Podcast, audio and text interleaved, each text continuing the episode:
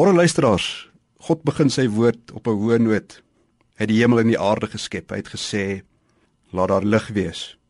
Lig is nodig om te leef. Maar toe God die lig gemaak het, het hy die duisternis nie heeltemal verdryf nie. Dit kan nie en dit mag nie. Want die donker, die duisternis is nodig. Mens dink aan die woorde van Psalm 104.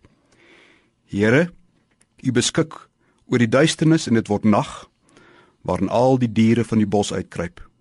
Die jong leeu's brul om roof en begeer hulle voedsel van God. En as die son opgaan, dan trek hulle hulle terug en gaan lê in hulle slaapplekke.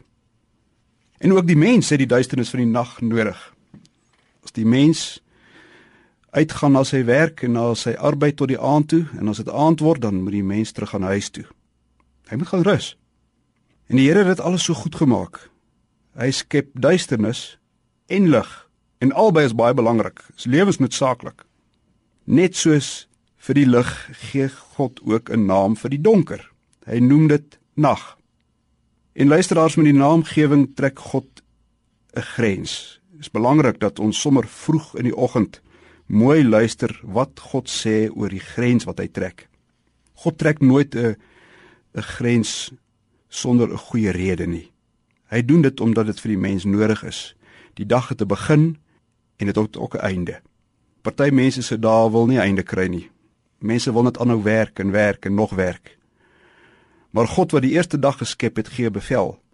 Daar's 'n tyd vir werk en daar's 'n tyd vir rus. Vanaand as die donker intree, dan praat die Vader met sy kinders. Gaan huis toe. Kom tot rus. Ek hou oor jou die wag.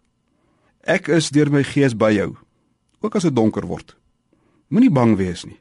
Moenie nou al bekommer oor alles wat môre moet gebeur en wat jy moet doen nie. En dan word dit tyd vir jou aandgebed. Barmhartige God, ons bid U, gee dat ons liggame in vrede en stilte mag rus, sodat ons na die rus sterk mag wees en dat ons môre verder kan werk. En dan bid 'n mens, Vader, gee troos aan hulle wat siek is en almal wat hartseer is en mense wat in aanvegting is. Gee rus vir almal wat in hartseer en in vrees lewe. En die vrees is baie, ons weet dit. Hierdie gebed vir rus is noodsaaklik. En klink dit dalk vir jou nou na 'n mooi hoofstuk uit 'n storieboek wat nie regtig kan werk nie? O nee. Dit is 'n werklikheid, 'n werklikheid waar volgens ons elkeen gelowig moet lewe. Doen jou werk met ywer in hierdie dag. Dan kan jy vanaand met 'n geruste hart tot rus te kom.